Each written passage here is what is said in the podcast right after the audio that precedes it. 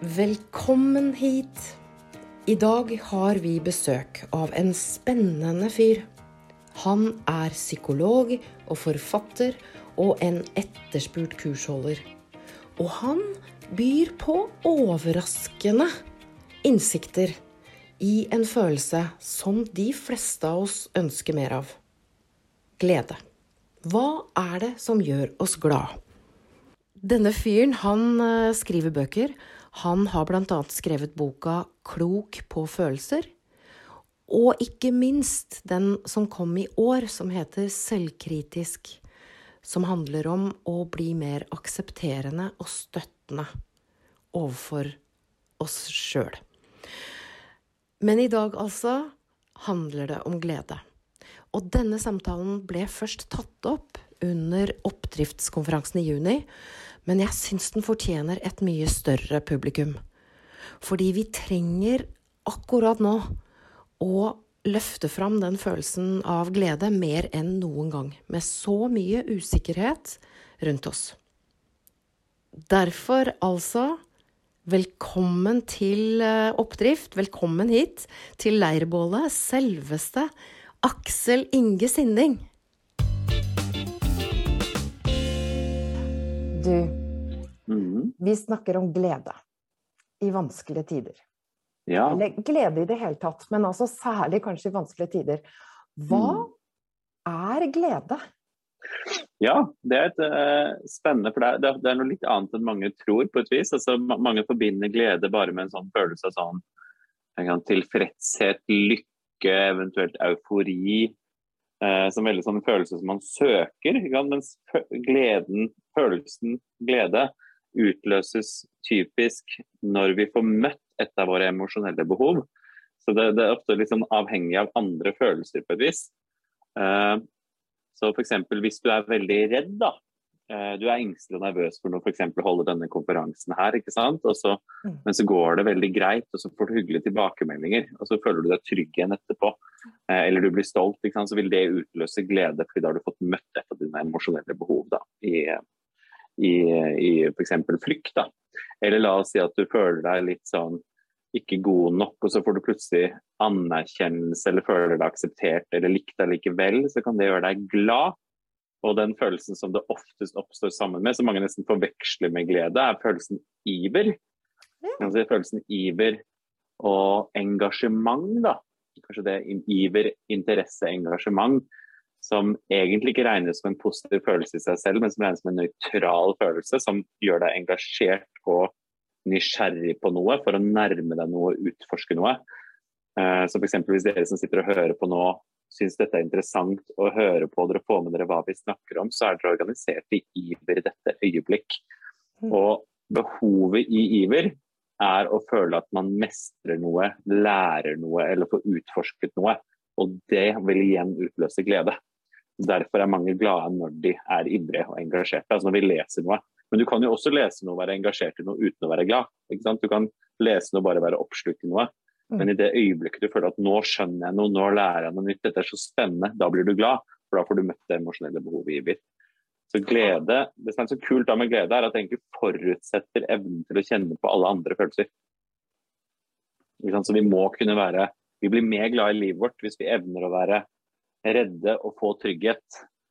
Eh, kjenne sorg og få trøst, omsorg og støtte.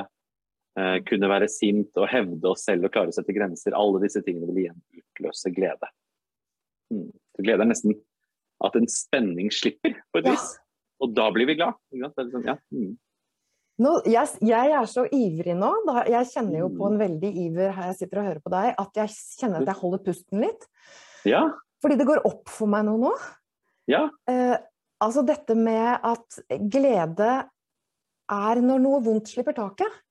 ja. Eller eh, altså glede Eventuelt den nøytrale spenningen ved iver, eh, engasjement. Ikke sant? Liksom at man føler Ja. at man mister det. Ja, begge Ja, deler. Ja. Mm.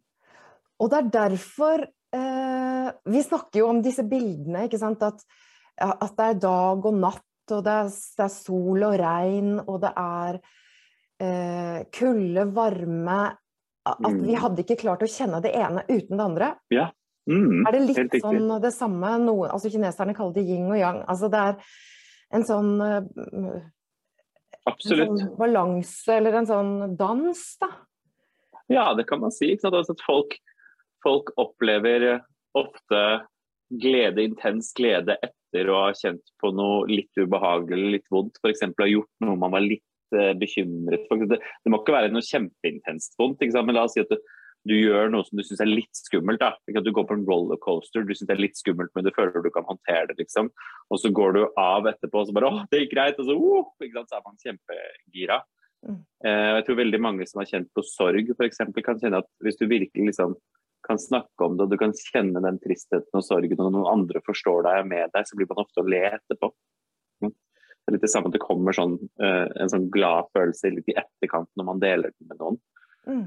Uh, det som er litt kult også, er at altså, vi forbinder jo ofte glede med uh, lykke. ikke sant? Men altså, iver er faktisk den følelsen som er tettest knyttet opp mot lykke og livstilfredshet. At hvis du skal være altså det er det, det er det, Hvis du har mye iver og engasjement og interesse, den spenningen som du fortalte om nå, så er du mer sannsynlig å være ganske lykkelig i livet ditt. Og fravær av, lykke nei, fravær av iver kan nesten defineres som en depresjon. ikke sant? Um, for det er ingen retning, det er ingenting du vil. Det er ingenting som drives deg i noen retning. Sant? Mens glede er en sånn belønning som veldig ofte kommer med iver, da, blant annet. Mm. Og nå kommer jeg på sånne historier fra gamle dager hvor jeg eh, prøvde også å legge lokk på iveren min. Ja. Fordi at jeg ville være kul. Mm. Vi, vi ville liksom ikke la oss rive med, på en måte. Nei, altså jeg prøvde å mm. være ja, litt sånn tilbakelent og kul som journalist. Og det gjorde jeg i mm. såpass mange år at jeg faktisk Nå skal jeg ikke si at det er derfor jeg ble deprimert, men, men det å legge lokk på sånne begeistringsfølelser så Det ligger veldig yes. sånn begeistring hos meg og iver og Å, guri meg, nå holder jeg på med følelser, og det er gøy. Mm. Uh, så, så, nå har, kjenner jeg jo på den lykken uh, og den gleden akkurat nå, her sammen med deg mm. og sammen med alle oss som sitter her uh, i kveld og feirer alle følelser. Da blir jeg veldig ivrig, kjenner jeg. Og Man merker det veldig når det er genuint. Det er, som, det, det er en kraft på en måte som kommer ut. Det, er veldig, det smitter. Når du merker at når et menneske er veldig engasjert og interessert og ivrig på noe. Så det er, det er, det er kanskje nøkkelen med god formidling, vil jeg si. da, Å være ivrig og engasjert i det du snakker om. For det smitter, og folk blir med. Det er veldig sånn kult. Ja, absolutt. Og, og, og, en, dårlig idé, ja, en dårlig idé å legge lokk på sånne følelser, da, er sånn at jeg skjønner det nå. Ikke legge lokk på iver. dyrke iver. Hvordan kan vi dyrke ja. iver, da? Iver er egentlig en sånn følelse som vokser ganske sånn naturlig av seg selv, så lenge den blir matchet eller overgått av en annen uh, i passe mm. doser. Så det er en litt sånn emosjonell lov som kommer til iver, at hvis du er så ivrig, så må andre enten matche det eller være litt mer ivrig, for at, og da vil iveren din vokse mm. uh, og fortsette. Mens uh, men Det er derfor det er så vanskelig å holde foredrag For eksempel, med ingen mottakere på Zoom. Da. Hvis du bare ser masse sorte firkanter, hvor du får ikke noe sånn naturlig respons på iveren din. Så da, da, begynner mange ofte å bli litt sånn at vi først er ivrige på en sånn ekte, genuin måte, så får vi så lite respons at iveren dør litt. Så prøver vi heller å være litt sånn instrumentelt ivrig. At vi liksom skrur på vår egen iver, og så er det ikke like genuint. Ja, ja, litt sånn, ja. Sånn der, å, kjenn alle sammen, så gøy vi har det. Men så er det ikke Det må være liksom genuint. At det er mye, mye tyngre jobb. Men det er mye tyngre jobb da, å være mm. ivrig alene. Det, det, er mye tyngre. Det er mye, det er, mm. tenk to barn som leker sammen og egger hverandre opp hele tiden. ikke sant? Mm. Det, det er Men så kan jeg si at det vanlige ja. Kunsten er jo å lande da etter den iveren i en eller annen litt sånn ro. Yes. Og på en litt sånn nesten Eh, også liksom, hvis, hvis, noen andre er veldig ivrige, altså liksom på en sånn hensynsfull måte på et vis. Mm. Fordi her er vi noe veldig sånn spennende at det som ofte skjer, det er ikke bare at vi bremser vår egen iver, men andre bremser vår iver òg. Eh, altså bare tenk med barn ikke sant, som er veldig ivrige. at vi, vi, er jo vi er ganske kjappe. Jeg syns vi er sånn med de fleste følelser. At vi, liksom, vi skal ikke være så veldig dramatisk i vårt følelsesuttrykk, liksom, i Norge og i Vesten kanskje. Til og med iver. Liksom, du må gjerne være gira og glad, men ikke så mye. Liksom, gjerne med innestemme. og når vi har positive følelser, glede, iver, det er de øyeblikkene vi også er mest sårbare på skam. Det er de øyeblikkene vi er mest sårbare for det. Og jo mer ivrige og engasjerte vi er, jo vondere er det å bli stoppa. Ja. Og Hvis du blir stoppa skikkelig brått da med noen som viser at dette ønsker jeg ikke, dette vil jeg ikke ha, dette vil jeg ha mindre av, eller de er ikke med, så kommer skammen veldig fort. Det er oppskriften på all skam. Et eller annet du vil i retning av, du vil nærme deg noe, du er engasjert, interessert.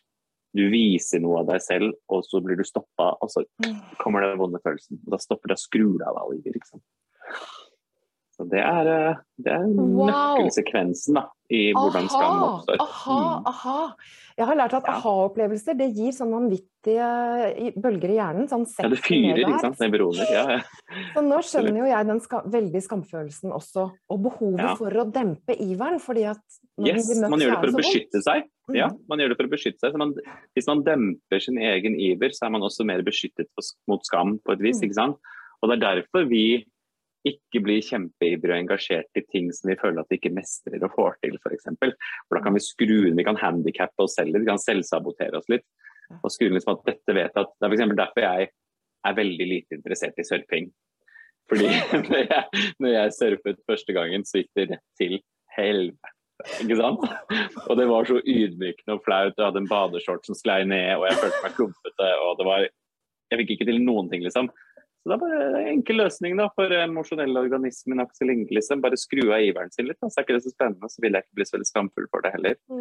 Um, mens, så vi driver sånn hele tiden. og Det er det du ser med liksom, når folk eksempel, når du skal ta en eksamen som du egentlig er veldig redd for å feile på, så slutter man å investere energi i den, for da vil det gjøre mindre vondt å ikke lykkes med det.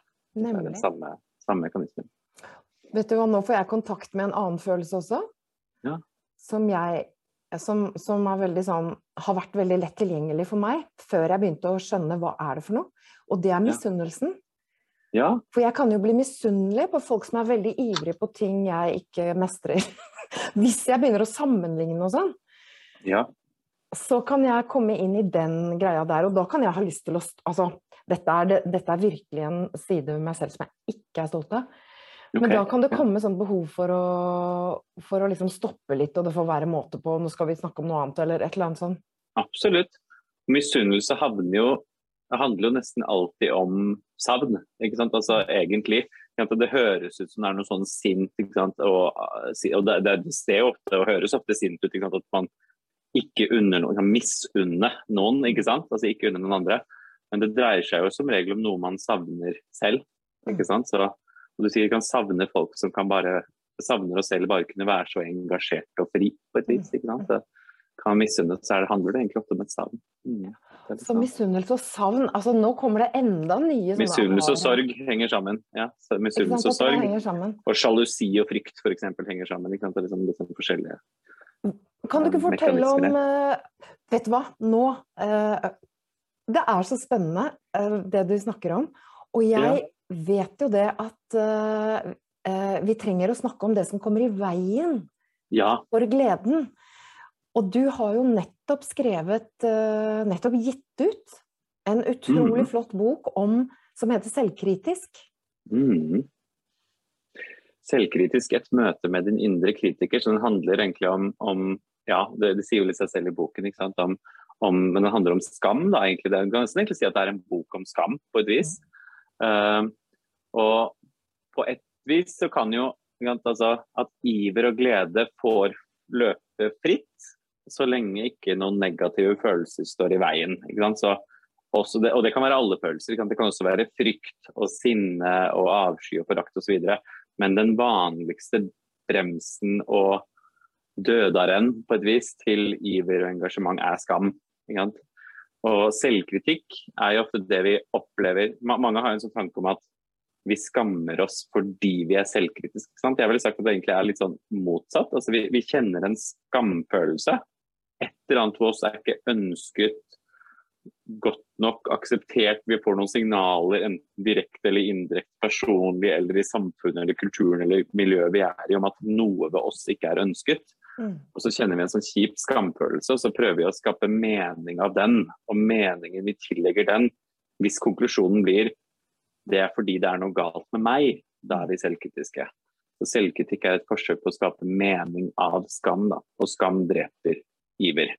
Så veldig mange som strever med skam og selvkritikk, er litt sånn kan være litt sånn tilbakeholdt. Da, Kan det oss til å gjemme deler av oss selv, skjule deler, ikke slippe oss fri. Ikke slippe oss ikke fri, men ikke slippe oss løs. Mm. Fordi da er vi nok en gang sårbare for nye sånne skam. Oh. Men tenk at vi kan pakke ut dette her nå. Takk for at du hjelper ja. oss å pakke det ut og, mm. og forstå det. Fordi at eh, det er jo jeg gikk i hvert fall lenge og skammet meg over skammen. Mm. Altså Jeg skammet ja. meg over følelsene mine i det hele tatt. Mm. Det er jo derfor jeg har blitt så ivrig på å pakke det ut. Sånn at jeg, takk mm. for at du er med og pakker det, så godt ut. Hyggelig. Jeg syns det er litt sånn gøy med, med følelser. Jeg er veldig interessert i, i følelser. Liksom. Hva, hva, er det, på et vis? Mm. Ikke sant? Som prøver å liksom forstå disse små nyansene. Sånn, så alltid hvis jeg hører om en sånn ny eller en ny emosjonell tilstand, så prøver jeg alltid liksom å finne ut ja, hva er det egentlig, ikke sant? Da, mm. og operasjonalisere det litt. Fordi jeg vet jo, Vi må jo ta liksom kritikk på vårt felt at vi kan jo fort bli litt fluffy ikke sant? når vi kommer til å snakke om følelser. Og så er det liksom gøy at det finnes liksom en struktur og et orden. Det går an å operasjonalisere og pakke det ut ganske mye. da. Det er det, det er veldig spennende. Du har begynt å få strukturer på det, og det er yes. veldig spennende. Hva vil du mm. si til, til oss som som har denne selvkritiske stemmen, hva, hva, vi, hva ville være en god måte å håndtere det på? Altså ja. For å bli modige, for å, for å våge å gå rundt og være ivrige da, og, og begeistret mm. og, og, bruke kreftene våre. For jo, vi ønsker jo at mennesker skal bruke kreftene sine. Absolutt. Så la oss først liksom skille mellom eh, noen ulike former for selvkritikk. For selvkritikk er ikke alltid bare negativt heller. Mm. Altså Man kan absolutt ta selvkritikk og være selvkritisk for noe som er helt reelt og som man kan utvikle seg på. Altså, der har mennesker en sånn unik evne til å evaluere seg selv, som noen ganger er nyttig. Så noen ganger så merker jeg sånn ah, der gjorde jeg ikke så godt jeg kunne, eller det fikk jeg ikke helt til. Åh, jeg vet at jeg kan bedre enn det. Og så lenge den evalueringen er sånn noenlunde forståelsesfull på hvorfor det ble litt sånn, og gir deg en retning videre som du kan lære å utvikle av, og ikke bryter deg ned, så kan det være ganske greit. ikke sant? Vi snakker om hvis du tenker motsatsen, altså noen som aldri lytter til en indre evaluering av seg selv, da kan man bli ganske i andre enden av, eh, av skalaen, da, på et vis. ikke sant? Men for de fleste av oss som, ja, som du sier, for de fleste av oss som er selvkritiske, så så er den selvkritikken mye oftere mer destruktiv enn konstruktiv. Mm. Og destruktiv selvkritikk som gjerne kjennetegnes av at den er ganske sånn dømmende. Uh, den er stor, den snakker om hele deg som person, den gir deg ikke noe særlig retning. Den gjør deg mer demotivert og, og gjør at du unngår ting eller trekker deg unna eller dekker til ting enn å gi deg en retning videre.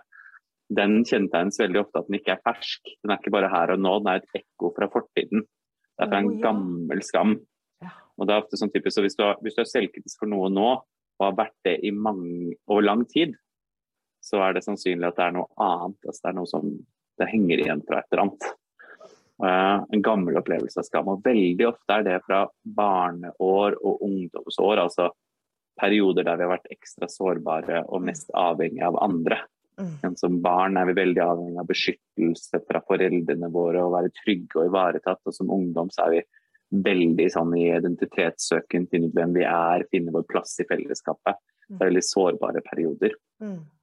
Kan også være fra liksom, forrige parforhold, eh, forrige arbeidsplass, mobbing på arbeidsplass. Det kan være hva som helst, men hvis du har vært selvkritisk for noe veldig lenge, så er det ofte noe godt langt tilbake. Og Oppfordringen min da er egentlig bli kjent med den ut, uh, bli kjent med din indre kritiker. For det vi ofte gjør, er å begynne å snakke imot den med en gang. Vi begynner å krangle med den. Så det blir sånn krig i hodet. Der vi mm. kjefter tilbake og prøver å finne argumenter for at vår indre kritiker har feil.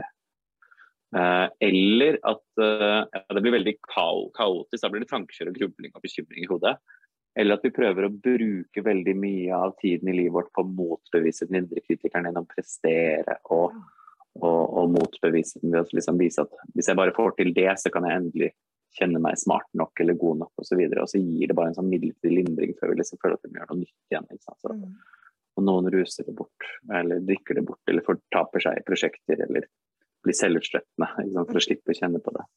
Det høres bli kjent det. kjent ut. Ja, vi gjør dette alle sammen. Ja, mm. nei, det, dette, det gjør vi alle sammen. Um, jeg har også kjent masse selvkritikk, altså spesielt litt sånn som deg, egentlig spesielt mye selvkritikk over følelsene mine. altså sånn Selvkritikk over å føle. Ja. en sånn sekundær følelse av skam, da ville vi kalt det.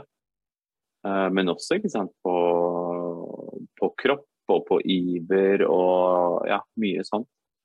Herlig. jeg er veldig glad liksom for det. Sånn, ja. Jeg blir veldig letta, jeg. Ja. Ja, at vi, at vi, har det samme. Du er ikke gæren, vi har det samme. Nei, du er ikke gæren. ja, nei, Men det er det skammen sier til oss. Da. Skammen sier liksom sånn uh, eller vel Brené Brown sier om skam at vi har alle skam, og vi er alle redde for å snakke om det. Og jo mindre vi snakker om det, jo mer makt får det. Mm. Så jo mer Det største du kan gjøre for et menneske som strever med skam, er egentlig bare å tåle det og forstå det. Og så viser det liksom at jeg, jeg ser deg, jeg hører deg, jeg forstår deg, og jeg liker deg fortsatt. Oh. Um, er så også egentlig, hva skal vi gjøre? Ja, hva skal vi gjøre? Men jeg bare... Ja, hva skal vi gjøre? Bli kjent med bli kjent med. Ja. Finne ut hvor du kommer fra. Jeg, jeg holder deg mm. der, men jeg vil bare eh, feire også at du bringer fram Brené Brown. Ja.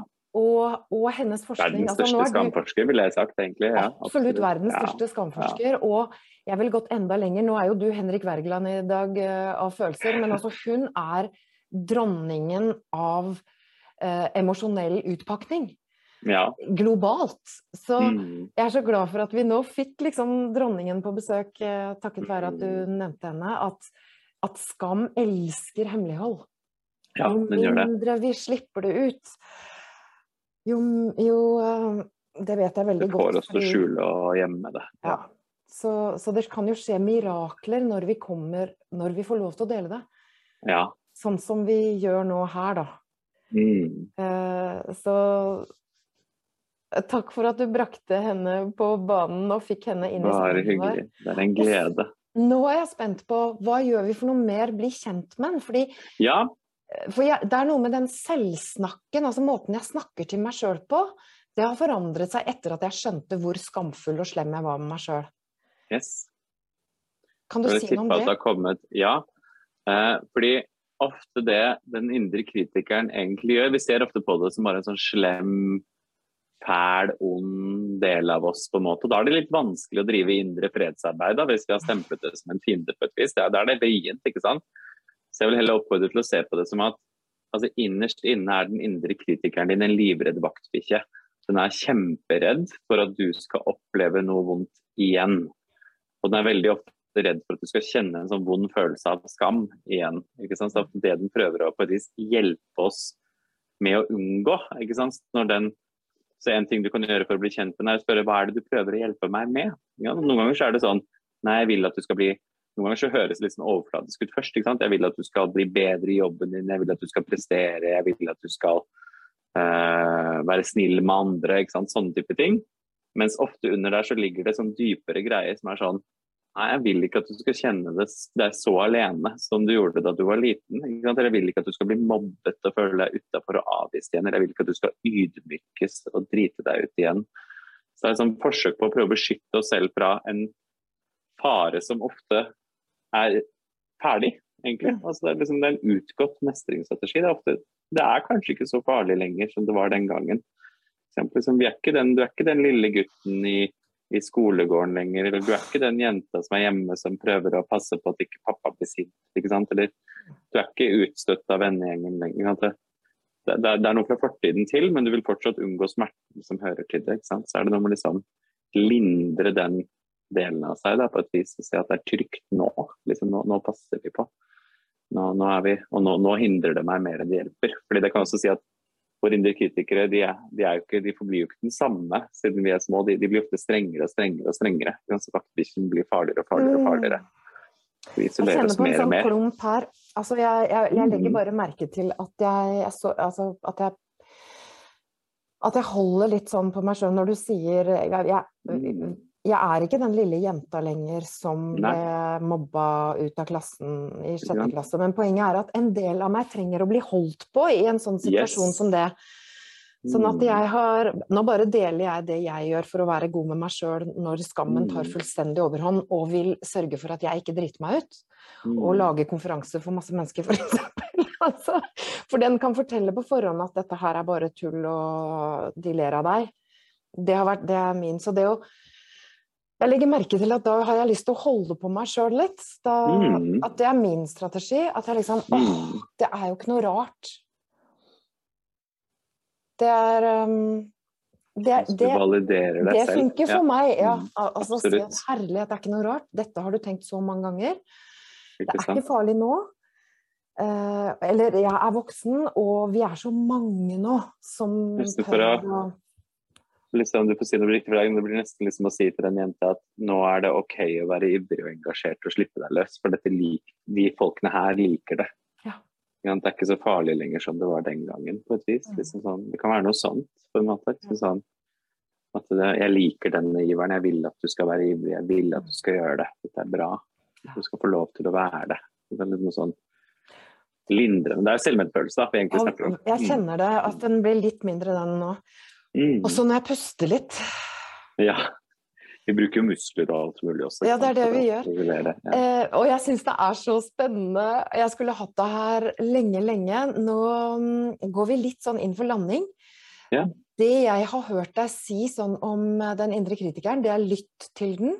Bli litt kjent med den.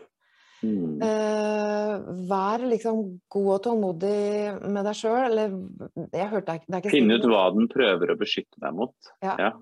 Så og det så er møte med selvmedfølelse. ja. Er det en ingrediens til det, det er faktisk sinne. At du har lov til å være litt sint på den indre kritikeren, men da skal det ikke være sånn Hold kjeft, sinne, hold kjeft, indre kritiker, du er så slem mot meg, sinne. Men det skal være mer noe sånn Nei, vet du hva, nå er det nok. Det er Jeg ikke fortjener greit. mer backing enn dette. Det er mer et sånt sinne vi er på jakt etter. Det er fint. Det er ikke greit. Talk to the hand. Mm. Et lite spørsmål til slutt, før jeg Ja. slipper deg. Det er hva er grunnen til at det er så viktig med en dag for følelser? Nå har vi fått en internasjonal dag for følelser. Dette er den, det andre året. Mm. Hvorfor trenger vi det? Jeg syns følelsene har hatt et altfor frynsete rykte veldig lenge. Vi ser følelser som en sånn litt sånn mindreverdig motsats til logikk og fornuft. Og så tror vi ofte at vi liksom skal bare overstyre følelser med tanker, f.eks. Og det er ganske vanskelig for ganske mange av oss. Jeg synes at vi, vi, må, vi må øke nesten Hva kan man si, da? Altså validiteten litt i følelser. Liksom. Få det opp og se at det er litt andre ting ofte som skal til. At hvis folk bare får lov til å føle det de gjør, så går ting stort sett ganske greit. på et vis. Altså, forstå og hjelpe og være empatisk.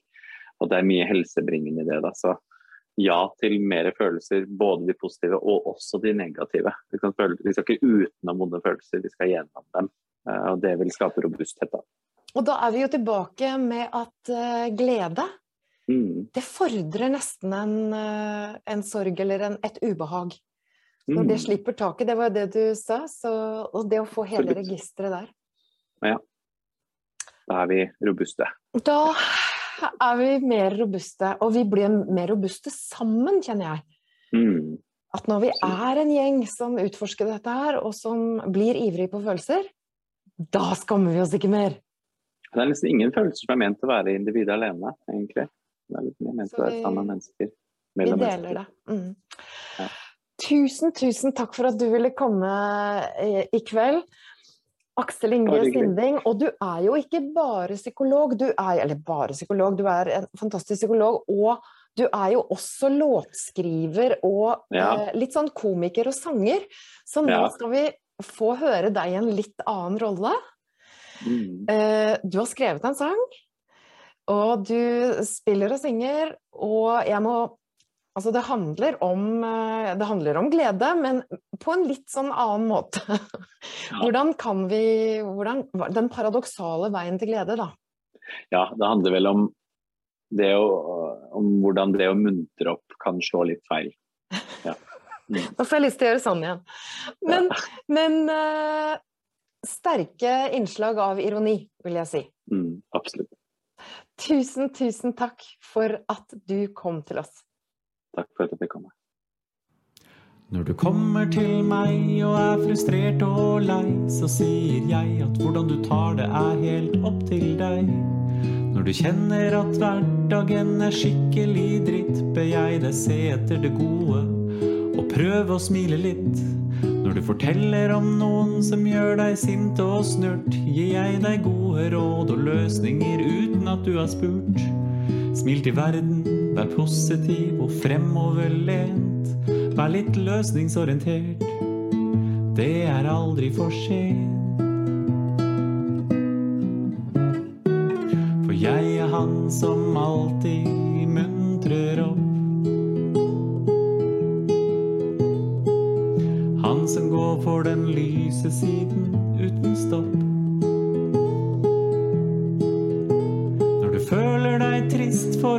Mistet din venn, er jeg kjapp og minner deg på at alt blir bra igjen. Jeg er han som alltid muntrer opp. Når du strever med dårlig råd alt er et herk, så husk at for en indisk gategutt er du betalingssterk. Når kroppen fylles opp av angst og posttraumatisk stress, og prøve å sette pris på livet, du kunne vært død av ALS. Når din omgangssjuke baby holder deg oppe hele natten, husk at en og to i middelalderen døde før de var 18. Ja, for alt blir mye bedre når du ser verden som fin.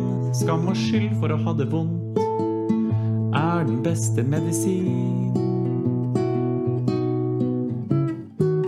For jeg er han som alltid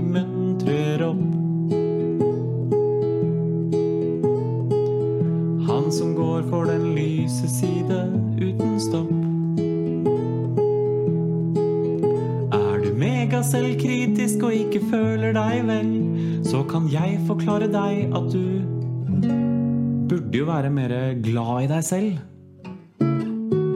For jeg er han som alltid muntrer opp. Kanskje blir du irritert, men intensjonen min er god. Orienter deg mot realiteten, sinne hjelper ikke noe. Ikke grav i det vonde, fokuser på det gøye. Livet er for kort til å drive. Kos med misnøye.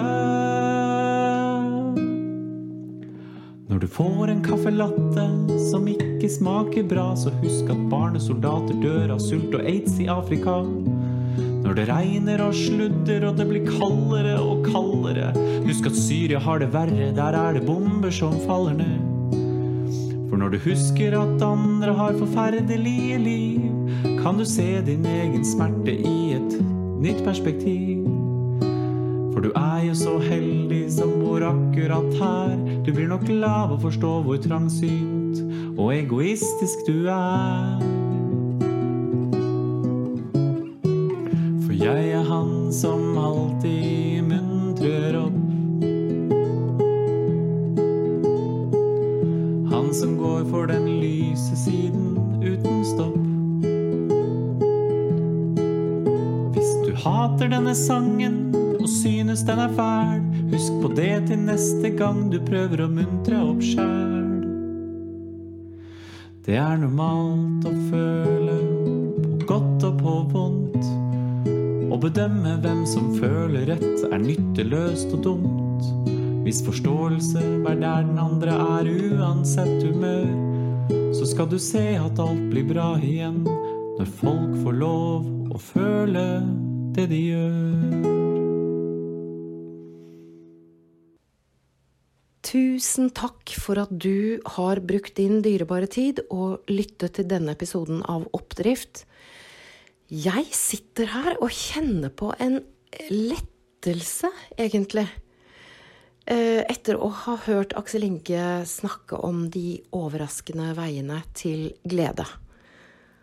Eh, og jeg håper at du har fått noe som kan gi deg oppdrift.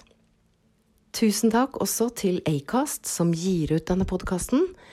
Og til Silje Urke Antonsen, som klipper og tryller fram nydelig fin musikk.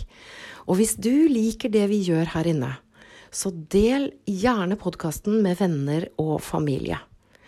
Og du kan også legge igjen en liten anmeldelse i den nettleseren som du bruker. Det betyr enormt mye for å kunne spre kunnskapen om følelser og oppdrift. Og vi fortsetter som vanlig samtalen i den gruppa som heter Emosjonell styrketrening på Facebook. Der er du hjertelig velkommen.